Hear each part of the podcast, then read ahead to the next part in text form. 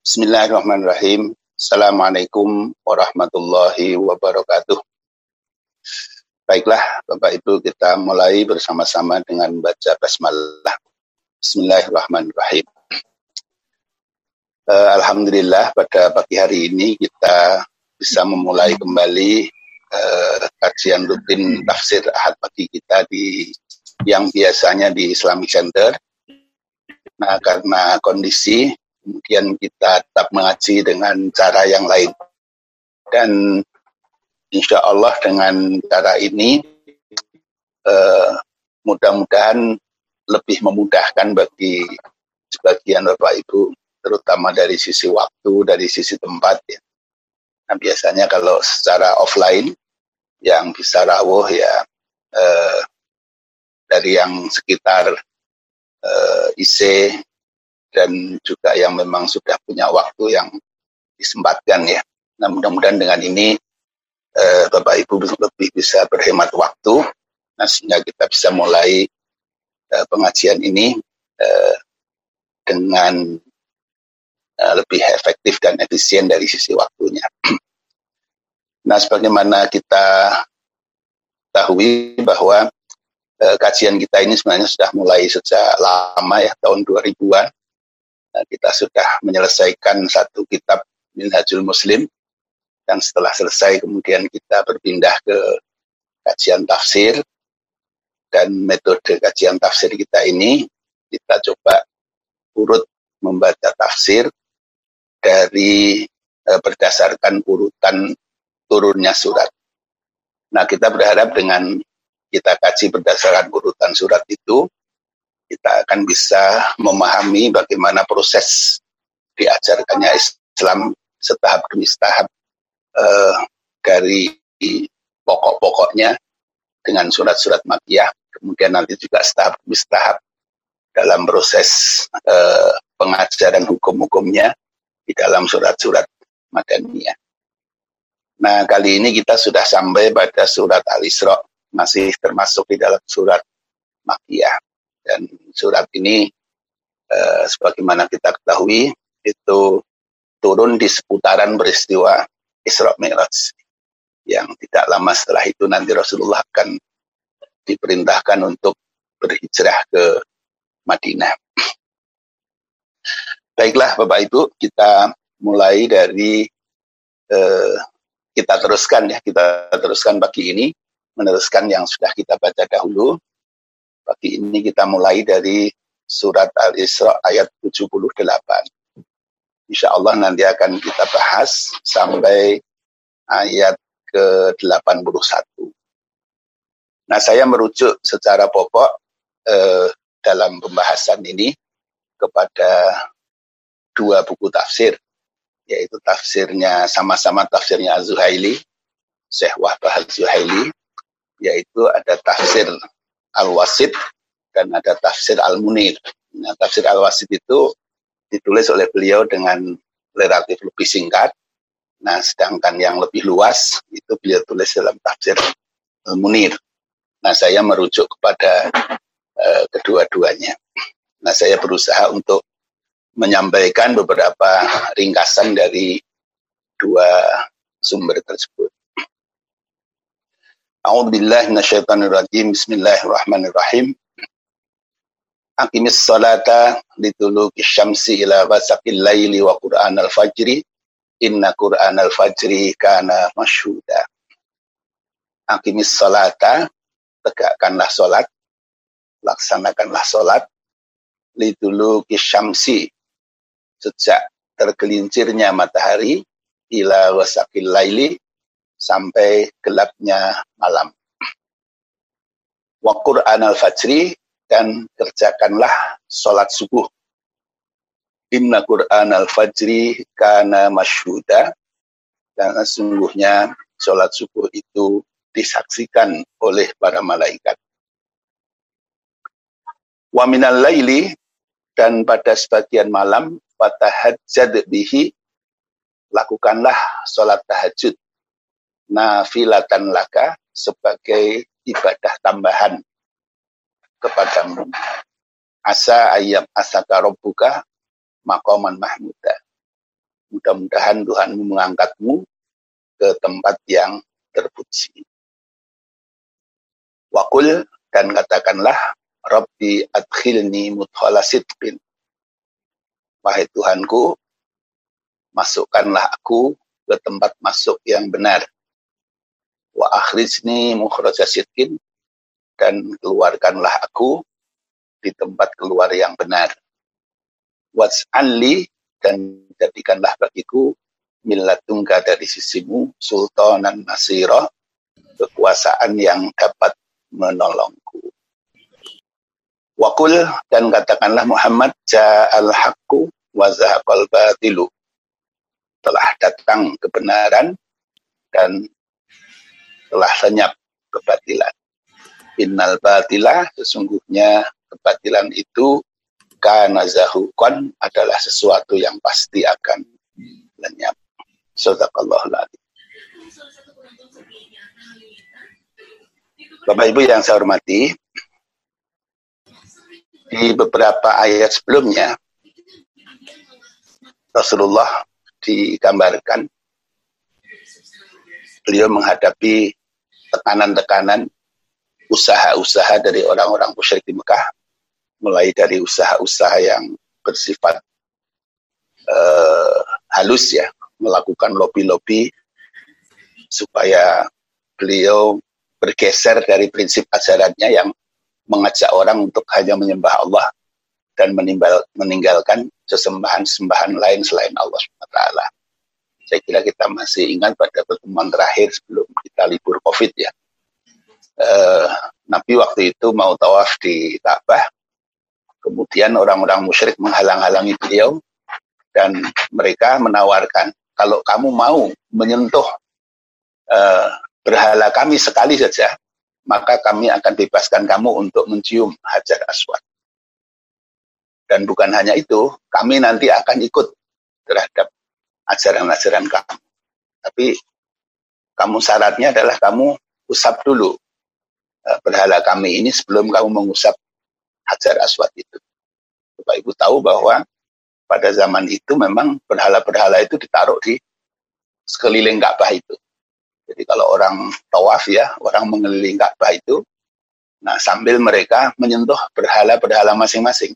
Karena masing-masing orang, masing-masing kaum itu memiliki berhala-berhalanya, sesembahan-sesembahannya di tempat itu. Nah Nabi ditawari dengan bujukan seperti itu. Kalau nanti kamu mau menyentuh satu saja dari berhala kami, kami nanti akan ikut kamu. Nah kemudian Nabi waktu itu berpikir juga, hampir-hampir ya, hampir-hampir saja Nabi berpikir apa susahnya ya kita nyentuh sebentar tapi mereka nanti akan ikut semua. Tetapi Allah segera mengingatkan beliau dan Allah menyampaikan kepada kita uh, walaula an kalakot kita tarkanu ilaihin syai'an qalila. Kalau bukan aku kokohkan engkau Muhammad, hampir saja engkau akan cenderung untuk melakukan itu. Jadi Rasulullah sendiri secara manusia berpikir Kenapa tidak ya?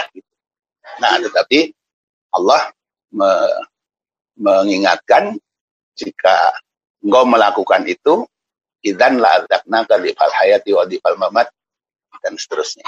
Jadi itulah ayat satu-satunya ayat dalam Al-Quran yang Rasulullah pun diancam langsung oleh Allah SWT dengan di'fal hayati wa di'fal mamat.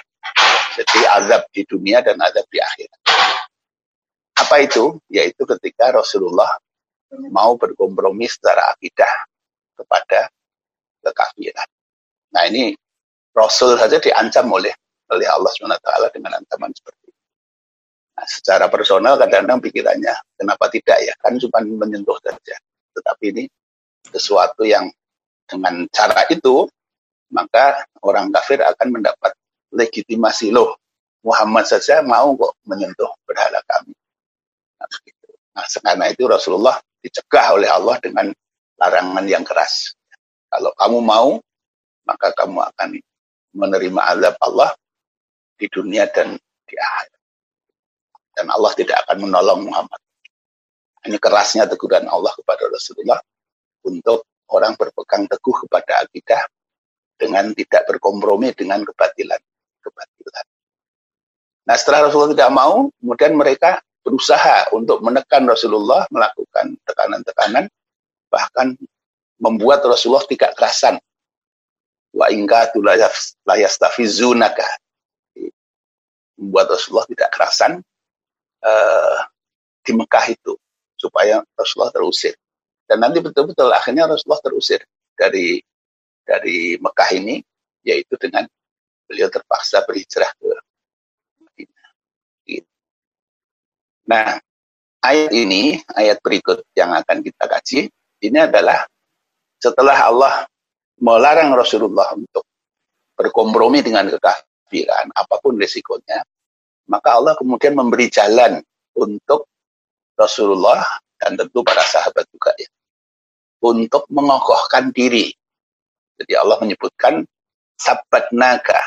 Jadi Allah mengokohkan diri. Jadi pada saat peristiwa itu terjadi, ya Rasulullah kemudian ditegur oleh Allah. Nah kemudian setelah itu diturunkanlah perintah ini. Akimis salata liduluki syamsi ila wasakil lail wa Qur'an al-fajri inna Qur'an al-fajri kana masyhuda dan beberapa ayat selanjutnya. nah, kita mulai satu persatu dari ayat-ayat ini. Uh, secara garis besar, uh, dari rangkaian ayat 78 sampai 81 ini menggambarkan bahwa ketika umat ini, umat Islam ini ya yang dicontohkan Rasulullah dan para sahabat pada waktu itu berpegang teguh kepada akidahnya, maka mereka akan kokoh. Nah, bagaimana dengan meneguhkan keberpegangan kepada ajaran-ajaran Allah ini, maka salah satu yang diperintahkan Allah adalah untuk terus membangun uh, kedekatan diri kita dengan Allah Subhanahu wa taala. Nah, dalam dalam ayat ini yaitu diperintahkan untuk sholat, sholat yang lima waktu, dan juga kemudian diperintahkan untuk uh, melaksanakan tahajud. Nah, ini adalah uh, supaya kita ini kokoh, dikokohkan oleh Allah untuk berpegang kepada ajaran-ajaran Allah itu, yaitu dengan kita uh, terus menyambungkan hubungan kita dengan Allah Subhanahu wa taala. Aqimis salat dari dulu kisyamsi ila ghasaqil lail. Ditegakkanlah salat sejak tergelincirnya matahari kepada ghasaqil lail sampai pada gelapnya malam. Nah, aqimis salata dituluki syamsi uh, ila ghasaqil lail ini disepakati oleh para ulama, para mufasirun itu adalah perintah untuk melaksanakan sholat lima waktu. Ini dulu kisyamsi ini masuk di situ sholat duhur dan sholat asar. Rosakil lail di situ sholat maghrib dan sholat isya. Kemudian ada wa Qur'an al-fajri. Nah ini Quran al-fajri ini sholat subuh. Nah sholat subuh disendirikan ya. Diungkapkan secara sendiri oleh Allah SWT Nah, karena di situ dikatakan inna Qur'an al-fajri karena masyhuda. Nah, kenapa salat subuh ini eh, disendirikan oleh Allah SWT? Ini karena salat subuh ini masyhudan. Nah, inna salat al-fajri tashhaduha malaikatul laili wan nahari. Nah, jadi salat subuh ini salat yang dipersaksikan oleh uh, malaikat yang bertugas siang hari dan oleh para malaikat yang bertugas pada malam hari. Sebagaimana diriwayatkan oleh Imam Ahmad dan At-Tirmidzi dan lain-lain dari Abu Hurairah radhiyallahu anhu dari Nabi SAW beliau bersabda eh, wa Qur'an al-fajri inna Qur'an al-fajri kana masyhuda qala tashhaduhu malaikatul laili wa malaikatul nahari. Sebuah menyatakan maksud dari Quran al-Fajri karena masyuda ini adalah sholat subuh itu disaksikan oleh para malaikat yang bertugas malam hari dan para malaikat yang bertugas pada pagi hari. Juga di dalam Sahih Bukhari dan Muslim dari Abu Hurairah radhiyallahu anhu dari Nabi SAW beliau berkata yata'aqabuna fikum malaikatun bil laili wa malaikatun bin nahar. Saling bergantian ada di tengah-tengah kalian para malaikat yang bertugas pada malam hari dan para malaikat yang bertugas pada siang hari. Wa yastami'una fi salati subhi wa fi salatil asri. Dan mereka berkumpul, bertemu, maksudnya shift pergantian shiftnya itu pada saat salat subuh dan pada saat salat asar. Faya'rujul ladzina batu fikum maka ketika para malaikat malam yang bertugas pada malam hari di antara kalian, mereka itu mi'raj, naik kembali ke langit. Fayas aluhum rabbuhum, maka Allah bertanya kepada mereka, wahwa alamu bihim, dan sebenarnya Allah sudah tahu terhadap hal tersebut.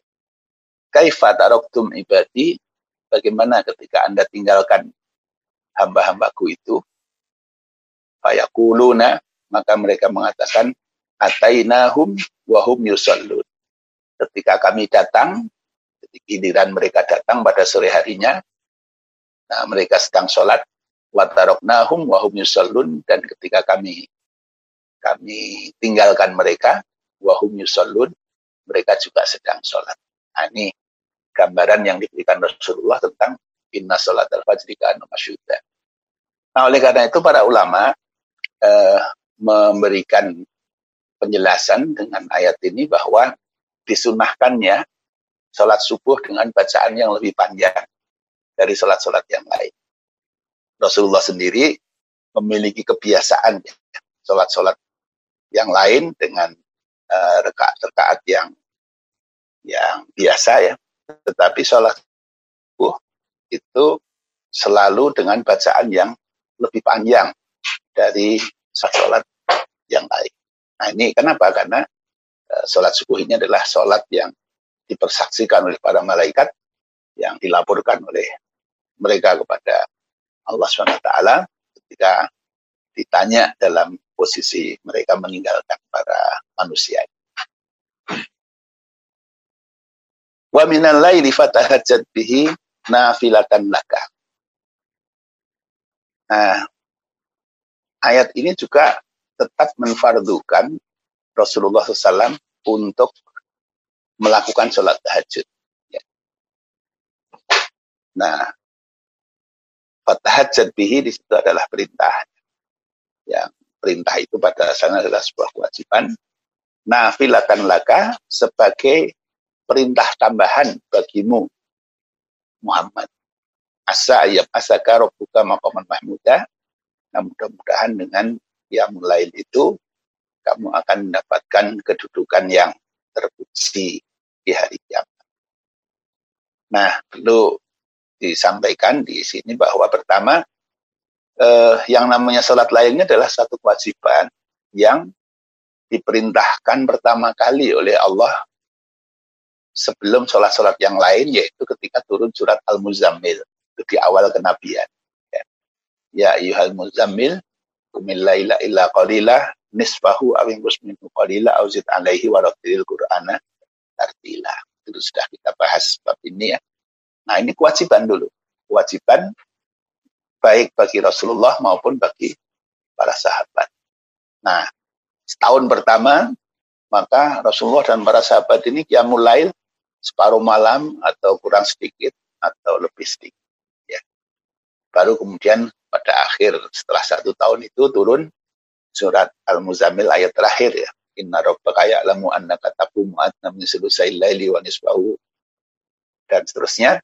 Kemudian faqra'u ma tayassara minal Qur'an.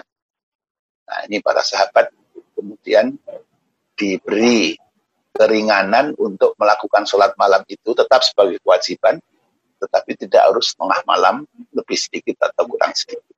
Jadi agak diringankan karena setelah itu banyak sekali mereka yang melakukan tugas-tugas yang lain. Nah, sampai kemudian turun uh, terjadi peristiwa Isra Mi'raj. Nah, di peristiwa Isra Mi'raj inilah diwajibkan sholat yang lima waktu itu. Nah, uh, tentang kewajiban sholat lima waktu di Isra Mi'raj itu tidak dicantum di dalam Al-Quran. Nah, tapi kemudian uh, peristiwanya ya, peristiwanya tidak cantum dalam Al-Quran. Nah, tetapi Al-Quran kemudian menegaskan kewajiban sholat lima waktunya ini di dalam ayat ini. Jadi dalam surat Al-Isra ayat ke eh, 78 ini. Nah, kemudian setelah turunnya surat Al-Isra ayat 78 itu, maka status dari tahajud itu nafilatan. Nah, ini perlu dipisah jadi dua. Bagi Rasulullah SAW itu nafilatan di situ maknanya adalah tambahan kewajiban.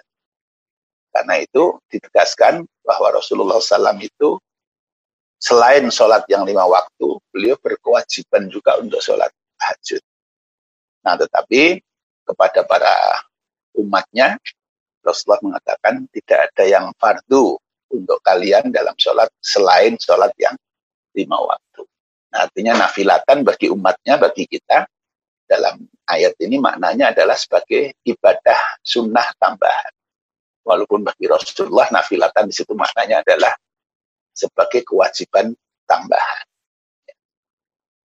Nah dalam konteks Rasulullah asa ayat masa buka makamah dan makaman mahmuda ini menurut Al-Wahidi disepakati oleh ahli tafsir bahwa ini adalah menyangkut tentang kedudukan Rasulullah yang terhormat, paling terhormat di hari kiamat nanti di mana beliau diberi hak untuk memberi syafaat baik kepada orang-orang yang beriman maupun kepada orang yang tidak beriman yang beliau anggap memiliki hak untuk mendapatkan syafaat. Ya. Nah ini Imam Muslim meriwayatkan dari Abu Hurairah radhiyallahu anhu uh, beliau uh, bukan dari Abu Hurairah ya uh, sanatnya dari Nabi SAW asa ayat segaro bukan maqam muda qala wa huwa al maqamul ladzi asfa'a li ummati asfa'u li ummati fihi jadi yang disebut maqaman mahmuda itu adalah uh, kedudukan Nabi atau posisi Nabi di mana beliau diberi hak untuk memberi syafaat. Syafaat itu artinya bantuan. Bisa menolong kepada umatnya. Nah, kita sering mendengar di dalam uh, berbagai ungkapan ya, selawat dan salam kita aturkan pada Rasulullah yang kita harapkan syafaatnya nanti di hari kiamat. Syafaat artinya adalah pertolongan yang diharapkan. Nah, dalam konteks pertolongan ini salah satu yang diriwayatkan dari Rasulullah oleh Imam Al-Bukhari dari Jabir bin Abdullah Rasulullah SAW telah bersabda, Man qala hina yasma'un nida, barang siapa ketika dia telah selesai mendengarkan azan, Allahumma rabba hadhi ta'wati tammati wassalatil qa'imati ati Muhammad dan al-wasilat al-fadilah wa ashu maqamam mahmudan alladhi wa'atah halat lahu syafa'ati yaumal qiyamah. Jadi barang siapa yang tadi ya doa setelah azan Allahumma rabba ta'wadi tamma wa salatil qa'imah wa masjid al-fadilah wa asu maqamah mudalli du'atah. Nah, hanya sampai situ ya. Kadang-kadang ada orang yang menambahi innaka la tukhliful mi'at ya. Nah, sebenarnya tambahan ini tidak ada dasar hadisnya. Karena itu sebaiknya kalau kita melaksanakan membaca doa yang memang ada tuntunannya, kita baca doa itu sesuai dengan yang dituntunkan. Jadi cukup dengan Allahumma rabba hadhi da'wati tamah wassalatil qa'imah ati Muhammadan wasilata wal fadilah wa asfu mahmudan alladhi sampai di situ saja. Nah, halat syafaati yaumal kiamat. Maka dia berhak untuk mendapatkan syafaat pada hari kiamat. Nah, karena itu Bapak Ibu, kalau kita dengar azan ya setelah selesai, maka sempatkanlah diri untuk kita berdoa. Sesuatu yang sederhana, yang mudah, tetapi Allah menjanjikan Rasulullah menjanjikan ada kemudahan-kemudahan yang luar biasa ketika nanti kita menghadapi kesulitan di hari akhirat. Uh, saya sedikit tambahkan catatan tentang mulai tadi ya. Karena satu ketika Rasulullah ditanya oleh para sahabat, sebagaimana hadis diwakilkan oleh Imam Muslim dari Abu Hurairah, Ya Rasulullah SAW, ayus salati afdalu ba'dal maktubati. Salat apa yang paling utama paling baik setelah sholat fardu. Maka kata Rasulullah, sholatul lail, yaitu sholat malam. Jadi sholat sunnah yang paling utama setelah sholat fardu adalah qiyamul lail. Wa qul rabbi adkhilni mudkhala sidqin wa ahrisni mukhraja sidqin waj'alni min ladunka sultanan nasira.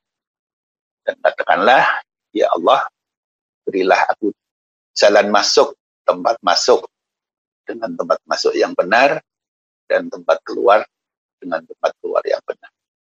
Dan jadikanlah bagiku dari sisimu kekuasaan yang menolong.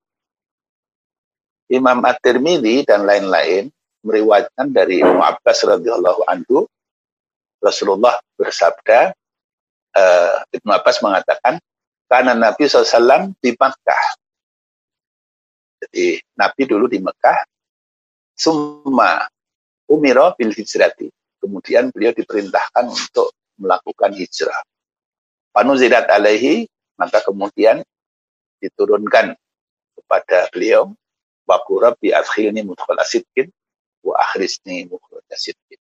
Jadi ini uh, menjelang hijrah ya, menjelang hijrah. Nah, Nabi di, diturunkan kepada Nabi ayat Ya Allah beri kami uh, pintu tempat masuk yang benar dan beri kami tempat keluar yang benar. Dan ayat ini uh, diturunkan sebagai persiapan yang diberikan oleh Allah untuk memerintahkan Nabi berhijrah dari Mekah ke Madinah. Nabi Rasulullah apa Allah SWT berfirman uh, ya Muhammad uh, berdoalah.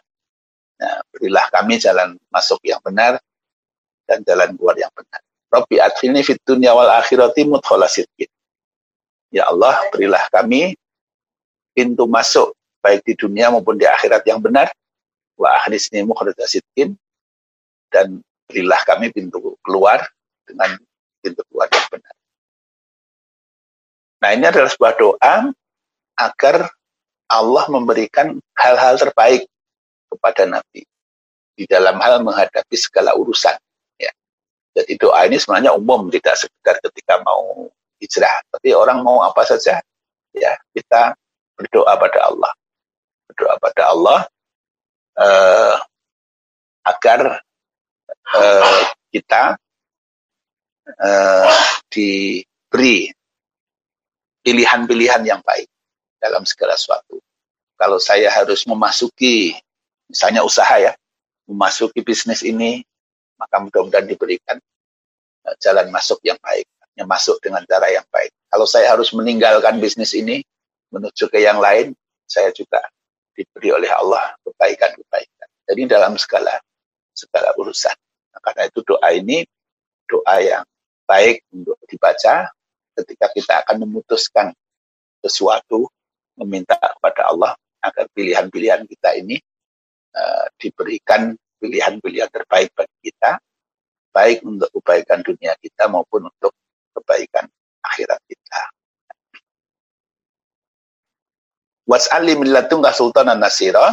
Nah, dan jadikanlah uh, dari engkau ya Allah bagiku Rasulullah ya bagi Muhammad sultanan nasira kekuasaan yang menolong. Nah, ini ada dua makna. Yang pertama adalah uh, jadikanlah uh, saya hujatan bayinatan suruni alaman khalafan. Jadi beri kepada saya dengan Eh, kemenangan-kemenangan dengan uh, keberhasilan-keberhasilan di dalam dakwah itu sebagai bukti terhadap kebenaran ajaran Allah itu untuk menunjukkan kepada orang-orang yang menentangnya bahwa ajaran Rasulullah ini memang betul. Nah, karena itu nanti Allah kemudian memindahkan Rasulullah dan para sahabat mengeluarkan ya Rasulullah dari Mekah dan para sahabat memasuki Madinah. Nah, dan setelah masuk di Madinah ini, Allah mulai tunjukkan kebenaran-kebenaran Sultanan Nasiro, kebenaran-kebenaran yang berupa uh, kemampuan, kekuatan, kekuasaan Rasulullah untuk mengalahkan orang-orang yang yang menentang beliau. Maka terjadilah perang Badar, jadi perang Uhud, jadi perang Hondak, terjadi Fathu Mekah dan lain-lain. Nah, itu sebagai bentuk uh, Sultanan Nasira yang menjadi bukti dari kebenaran Rasulullah Sallallahu Alaihi Wasallam. Ya. Nasiran nil Islami alal kufri wa mudahiran lahu alaihi. Jadi yang kekuasaan yang bisa menguatkan Islam menghadapi musuh-musuhnya dan uh, membela Islam dari semua orang yang uh, tidak menyukainya. Nah, Imam Hasan Al Basri di dalam salah satu ungkapan beliau mengatakan wa'adahu rabbuhu layang za'an namul kafaris wa izza faris. Jadi kata Imam Hasan Al Basri, ayat ini menjanjikan kepada Rasulullah untuk Rasulullah nanti bisa menundukkan kekuasaan Persia. Walayas alannahu lahu mulkar rum wa izzar rum. Walayas alannahu lahu. Jadi nanti pengikut-pengikut Rasulullah ini juga akan diberi kemampuan untuk menundukkan uh, Rum ya, Romawi dan akan menjadikan Romawi ini menjadi bagian dari wilayah Islam itu. Dan ini kemudian terbukti ya. Bagaimana dua superpower dunia pada zaman itu, Romawi dan Persia, kedua-duanya kemudian mereka uh, apa tunduk kepada Islam ya. Maksudnya masyarakatnya kemudian menerima Islam sehingga kekuasaan yang batil itu bisa runtuh karena karena masyarakatnya tidak beri lagi dukungan kepada mereka karena mereka sudah lebih percaya kepada Islam. Nah, Wakul ja'al haq wa zahaqal batil innal batilah kana zahuqa. Katakanlah Muhammad kepada orang-orang musyrik itu ja'al haqqu minallahi alladzi la syakka wala miryata fihi. Jadi katakan pada orang-orang musyrik di Mekah pada saat itu ja'al haqqu wa zahaqal batil. Kebenaran pasti akan datang dan kebatilan pasti akan lenyap. Nah, kita tahu ya bahwa ketika di Mekah itu, ketika turun ayat ini, sebenarnya kebatilan masih begitu tegak di mana-mana. Hak ya Rasulullah itu masih terseok-seok untuk memperjuangkan kebenaran itu.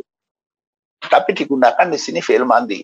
Ja'al haqqu zahaqal batil. Padahal fi'il mandi itu secara bahasa itu maknanya sesuatu yang sudah terjadi. Nah, tapi maknanya apa di sini? Maknanya ini kepastian bahwa walaupun pada saat itu Rasulullah itu masih dalam keadaan sulit dalam perjuangan dan kekuasaan orang-orang kafir ya eh, akidah dengan akidah-akidah kemusyrikannya masih sangat kokoh tetapi Allah memastikan bahwa yang namanya kebatilan itu pasti nanti akan hancur. Yang namanya yang namanya hak itu pasti akan tegak walaupun pada saat itu belum walaupun pada saat itu belum tetapi pasti nanti akan terjadi ya. Nah inilah uh, pengokohan yang dilakukan oleh Allah kepada Rasulullah.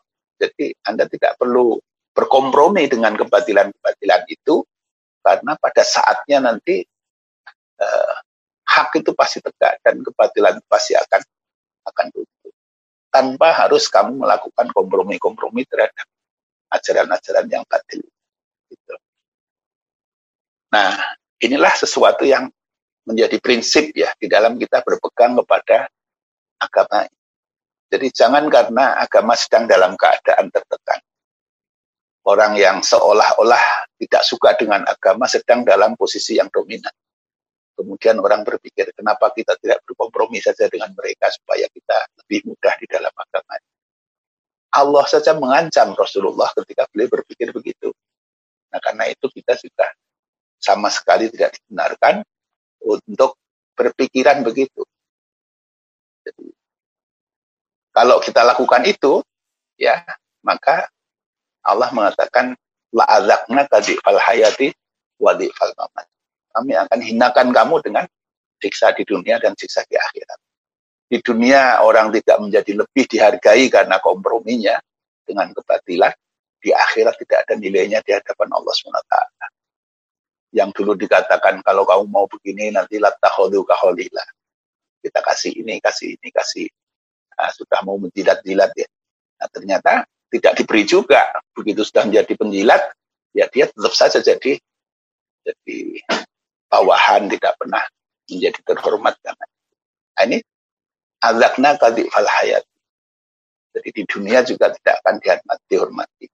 Oleh musuh saja tidak dihormati, apalagi oleh orang-orang yang beriman. Bahkan oleh Allah pun tidak dihormati orang-orang seperti itu. Nah karena itulah Allah dan menegur Rasulullah dengan keras, kemudian menyuruh Rasulullah untuk menguatkan ikatannya kepada Allah dengan sholat-sholat fardu dan sholat-sholat sunnah. Ya. Nah kemudian Allah menjanjikan kepastian-kepastian bahwa dengan keistiqomahan, bahwa dengan berpegang pada kita yang lurus, tidak berkompromi dengan kebatilan, itu ja'al haqqu wa zahaqal batil. Bahwa kebenaran itu pasti akan tegak dan kebatilan itu pasti akan. Bagaimana diungkapkan juga di dalam surat yang lain ya. Kebatilan itu ibarat buih, kebenaran itu ibarat air yang bermanfaat. Jadi kalau air itu datang, maka buih itu akan uh, hilang dengan sia-sia. Nah, saya kira uh, ini. Nah, Rasulullah juga kemudian pada saat Fatu Mekah, beliau uh, bersama dengan pasukan yang sangat besar ya pada saat Fatu Mekah itu, belum pernah Rasulullah bawa pasukan sebesar itu, beliau menundukkan Mekah. Ya. Ini ja'al haq zahaqal batil. Kemudian uh, ketika beliau menyuruh para sahabat untuk menghancurkan berhala-berhala yang dulu ditawarkan kepada Rasulullah untuk mau menyentuhnya itu. Nah, Rasulullah mengatakan, Sa'al haqqu wa zahaqal batil. Ini loh yang pernah dijanjikan oleh Allah dengan ungkapan Sa'al haqqu wa zahaqal batil. Abu Ya'la meriwayatkan dari Jabir bin Abdullah radhiyallahu anhu beliau berkata, "Dakhalna ma'a Rasulillah sallallahu alaihi wasallam Makkah." Kami bersama Rasulullah masuk ke Mekah. Ini pada saat Fatuh Mekah. Wa haulal baiti salasumiatin wasituna sonaman dan di sekitar Ka'bah itu ada 360-an berhala. Tak butuh tuk batu min dunillahi. Yang berhala-berhala ini disembah oleh orang-orang musyrik. Yang mereka tidak menyembah Allah. Fa'amara biha Rasulullah SAW. Uh, maka fa'amara biha Rasulullah SAW.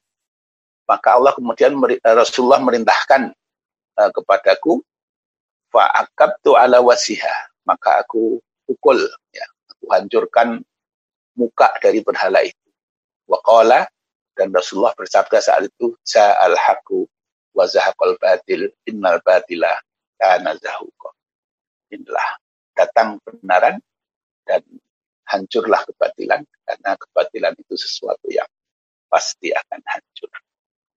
Nah demikian Bapak Ibu eh, tafsir dari surat Al-Isra ayat ke 78 sampai 81. Nah, mudah-mudahan memberi kita sebuah pelajaran tentang kekokohan kita berakidah dan tentang betapa kerasnya ancaman Allah kalau kita uh, mau berkompromi di dalam masalah-masalah akidah ini dengan kebatilan-kebatilan.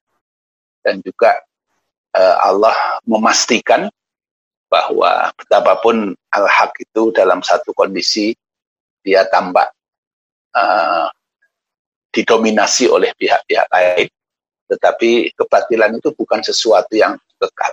Kebatilan itu pasti akan akan hancur. Syaratnya adalah ketika para ahlul hak itu betul-betul istiqomah di dalam berpegang kepada al-haq. Demikian mudah-mudahan bermanfaat bagi kita. Nah, pertanyaan-pertanyaan yang sudah dikirimkan melalui chat, nah mudah-mudahan bisa dibacakan oleh uh, host kita, Mas Tovan pagi. Terima kasih. Assalamualaikum warahmatullahi wabarakatuh. Waalaikumsalam warahmatullahi wabarakatuh. Jazakallah khairan Ustaz. Ini ada beberapa pertanyaan, saya singkat saja. Dari Pak Widodo Alarno. Nyun Sewu Ustaz, indikator suatu dikatakan baik sesuai ayat 80 tersebut dikaitkan dengan kehidupan sehari-hari. Pertanyaan keduanya, eh, Sesuai ayat 81, mohon info apakah kebatilan dunia ini termasuk di negeri tercinta ini trennya saat ini cenderung meningkat atau menurun. Sekilas terlihat kok kebatilan malah semakin banyak ya, khususnya di dunia politik. Semoga saya salah, nuhun sangat. Dikumpulkan pertanyaan dulu atau jawab dulu, Ustaz? Saya jawab aja, nanti tidak lupa. Ya. Ya. Baik, yang pertama tentang ukuran kebaikan dan keburukan. Nah, kebaikan dan keburukan itu diukur dengan eh, batasan-batasan uh, syariah. Jadi bukan dengan perasaan ya. Nah, jadi misalnya gini, kalau kita mencari rezeki halal dan haram ya. Maka Rasulullah mengatakan al halalu bayyinun wal haramu bayyinun wa ma bainahuma umurun mustabihat. Jadi yang disebut baik itu yang halal. Ya, yang disebut buruk itu adalah yang haram. Nah, syubhat itu sebenarnya tengah-tengah, tetapi dia cenderung membawa kepada yang haram. Karena itu di dalam Islam, maka yang tengah-tengah, yang subhat ini, paman waqa'a fi syubuhat waqa'a fil haram. Nah, itu ukurannya, itu bukan ukuran-ukuran kita, tetapi ukuran-ukuran patokan syariah. Nah, karena itu, itu memang dalam segala urusan, ini kita perlu untuk memahami ukuran-ukuran syariah sehingga kita akan masuk dalam hal yang baik. Nah, oleh karena itulah relevan sabda Rasulullah eh, man yuridillahu bi khairan yufaqihu fiddin. Jadi orang yang Allah kehendaki untuk menjadi baik, baik di dunia maupun di akhirat, yufaqihu fiddin, maka dia akan dipahamkan terhadap agama. Karena agama inilah yang akan mengukur, memberi dia ukuran, dawabit, mana yang baik dan mana yang jadi bukan sekedar perasaan-perasaan dan bukan yang lain-lain. Ya. Itu yang pertama. Yang kedua, eh, kebatilan itu cenderung apa? Kebatilan sama dengan hak, ya cenderung up and down, ya. naik dan turun. Dan kita oleh Allah dinilai keberhasilan kita bukan sekedar pada apakah kita berhasil menghilangkan kebatilan. Tetapi nilai pertama kita adalah apakah kita bisa istiqomah di dalam kebenaran. Walaupun mungkin seribu orang di sekitar kita ini berpegang pada kebatilan. Nah, sehingga kemenangan kita secara personal itu adalah keistiqomahan kita di dalam kebenaran. Siapa pun orang di sekitar kita berbuat yang batil, nah, maka kita bisa disebut menang ketika kita alal hak berpegang pada kepada kebenaran. Nah, tentang kondisi di sekitar kita, saya kira Bapak Ibu bisa mencermatinya sendiri. Nah, kalau trennya itu adalah e, misalnya membaik, Alhamdulillah. Kalau trennya itu memburuk, artinya apa? Ya, kadang-kadang keburukan itu meningkat karena orang-orang baik tidak mau menyebarkan kebaikan. Nah, sehingga kita yang harus bertanggung jawab dan akan menjadi bagian dari amal yang dicatat oleh Allah seberapa besar kita berkontribusi di dalam usaha kita untuk menyebarkan kebaikan di tengah-tengah kehidupan kita. Allah Berikutnya eh, dari Fuad, Bapak Fuad Kustomi, pada suatu kesempatan sholat subuh di Masjid Nabawi, imam membaca surat Al-Isra ini. Pada bagian akhir bacaan ini, imam dan jemaah sampai menangis. Mohon penjelasannya Ustaz. Ya, bab sholat membaca ayat menangis ini memang banyak diriwayatkan dari Rasulullah SAW juga dari para sahabat. Jadi memang Rasulullah sendiri karena sangat mendalamnya terhadap bacaan-bacaan itu sering kali di dalam bacaan sholatnya ketika membaca ayat Al-Quran beliau uh, berhenti ketika membaca ayat-ayat yang menyebutkan tentang surga dan berdoa mudah-mudahan menjadi bagian dari itu. Dan kita tahu Rasulullah pasti sudah ditamin ya tapi doa adalah bagian dari ibadah yang diperintahkan Allah dan Rasulullah pun berdoa. Ketika sampai pada ayat-ayat yang menyangkut ancaman terhadap orang-orang yang maksiat, nah, Rasulullah juga berdiri eh, berdoa mudah-mudahan dihindarkan beliau dan umatnya dari hal, seperti itu. Nah, Rasulullah sendiri tahu, kita tahu beliau sudah diampuni dosa-dosanya, tetapi beliau masih melakukan yang dan banyak di dalam riwayat beliau juga menangis. Nah, yang paling banyak diriwayatkan uh, gampang menangisnya itu adalah Abu Bakar radhiyallahu ini orang yang memang cenderung lembut perasaannya, gampang menangis oleh eh, bacaan-bacaan Quran. Nah, bagaimana orang bisa menangis dalam baca Quran? Karena memahami. Memahami. Jadi Quran itu dia baca, dia tadaburi. Nah, sehingga dia dengan tadabur itulah kemudian ketika hatinya itu uh, konsentrasi ke situ, kemudian uh, mengikuti apa yang diungkapkan itu. Seolah-olah Allah berbicara langsung kepada yang bersangkutan. Ya, jadi bagaimana diungkapkan oleh Imam Qayyim Ad-Dauzi. Nah, beliau mengatakan bahwasanya inna fi dzalika la liman kana lahu liman kana lahu qalbun au al-qasam'a wa huwa syahid. Sesungguhnya di dalam Quran ini terhadap zikro, peringatan-peringatan liman kana lahu qalbun bagi orang yang memang hatinya itu hidup al qasama dan kemudian dia berkonsentrasi untuk mengikuti apa yang dia baca itu wahwa syahid dan, dan hatinya hadir di dalam bacaannya maka orang yang begini insya Allah dia bisa menangis di dalam baca Quran di dalam sholat tapi kalau Quran sekedar masuk telinga keluar lagi masuk telinga keluar lagi atau keluar dari mulut tidak sampai ke hati tidak ada orang menangis mendengar itu yang mendengar juga tidak menangis yang membaca juga tidak menangis Nah, karena apa? Karena dia tidak lahir dari dari hati. Nah, karena itulah syarat berpengaruhnya Quran terhadap seseorang sebagaimana ungkapan Ibnu Qayyim itu tadi dikatakan inna fi dzalika ini surat Qaf ya. Inna fi dzalika dzikra liman kana lahu qalbun aw alqasama wa huwa syahid.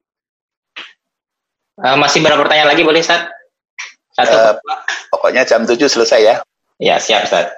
Pertanyaan kedua berikutnya ini agak berbeda temanya dengan dengan apa materi ini dari Pak Gatot Satrio Winahyo. Dalam masa ubah ini dan menjelang the new normal, mana yang lebih afdol, sholat berjamaah di masjid dengan berjarak antar jamaah atau sholat di rumah saja, Ustaz? Ya. Jadi azimahnya sholat wajib itu bagi laki-laki adalah berjamaah di masjid. Ya, itu kalau tidak ada udur, tidak ada apa-apa. Ya. Nah, kemudian eh, kalau ada udur yang menyebabkan adanya mandorot, maka kemudian ada rukhsah-rukhsahnya. Nah, salah satu rukhsahnya adalah misalnya eh, jika tidak memungkinkan, sangat sulit untuk dihindari adanya penyebaran madorot di masjid itu maka masjid boleh tidak dilakukan sholat berjamaah dan kemudian dilakukan sholat di rumah masing-masing.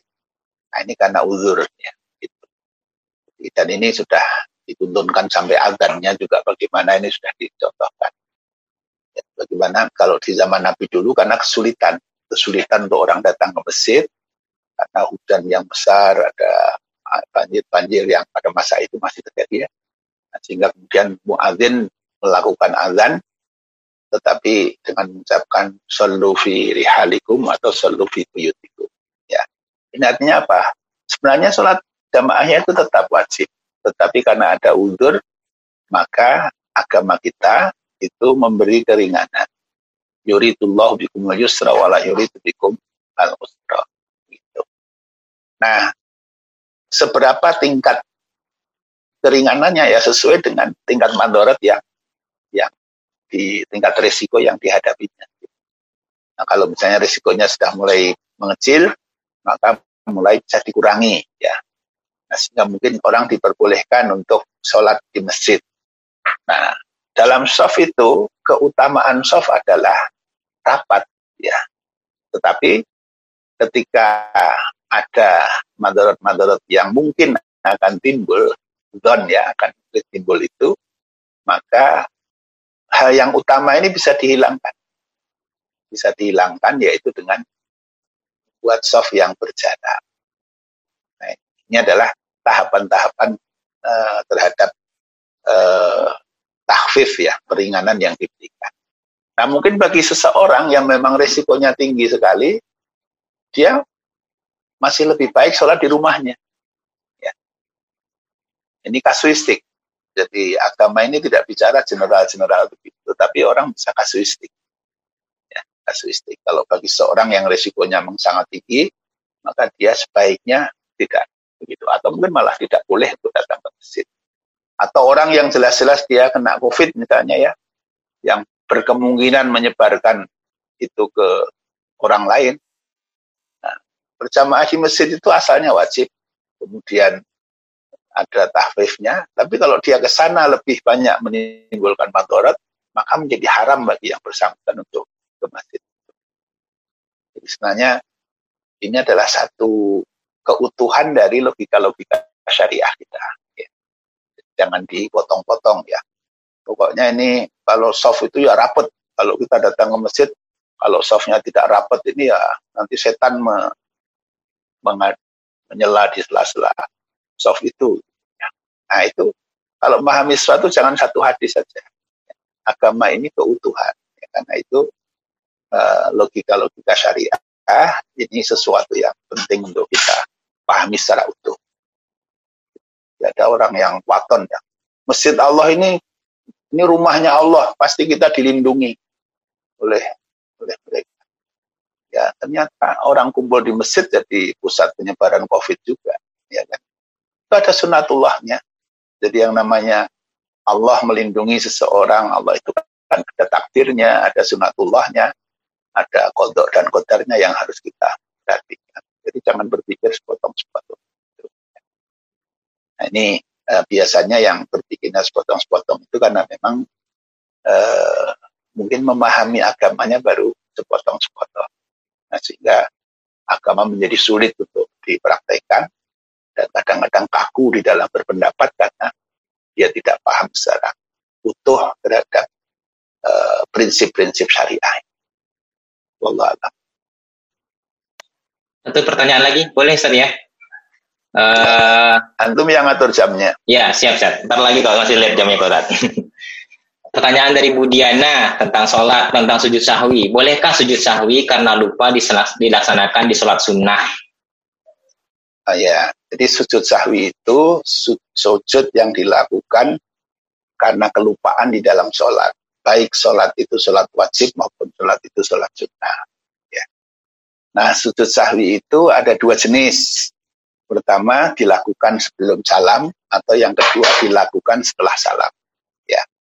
Nah, apa yang dilakukan sebelum salam itu kalau orang itu teringat terhadap hal yang dia lupa ketika dia masih sholat Misalnya tadi uh, ini uh, belum ruko ya. Nah, dia masih teringat uh, sebelum dia salam. Maka dia sujud sahwinya sebelum salam.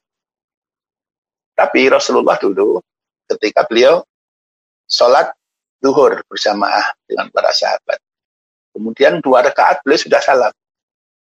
Nah setelah beliau salam, kemudian para jamaah, para sahabat kan ragu-ragu. Kemudian ada yang nanya, ya Rasulullah, apakah cara sholat kita berubah? Mengapa? Yang ngomong-ngomong ya. Kok sholat kita hanya dua rakaat? Oh, berarti kurang. Kemudian Rasulullah berdiri lagi mengajak melanjutkan sholatnya. Nah, beliau ingat setelah beliau salam. Maka sujud sahwinya beliau lakukan, beliau, beliau lakukan sujud sahwinya itu setelah uh, beliau melengkapi kekurangannya, kemudian beliau uh, salam dan setelah salam baru beliau melakukan sujud sahwi. Nah ini begitu teknisnya. Nah di sholat sunnah juga demikian. Kalau memang ada yang kelupaan, ya kita sujud sahwi, teknis sujud sahwinya seperti ketika yang dicontohkan di sholat wajib. Allah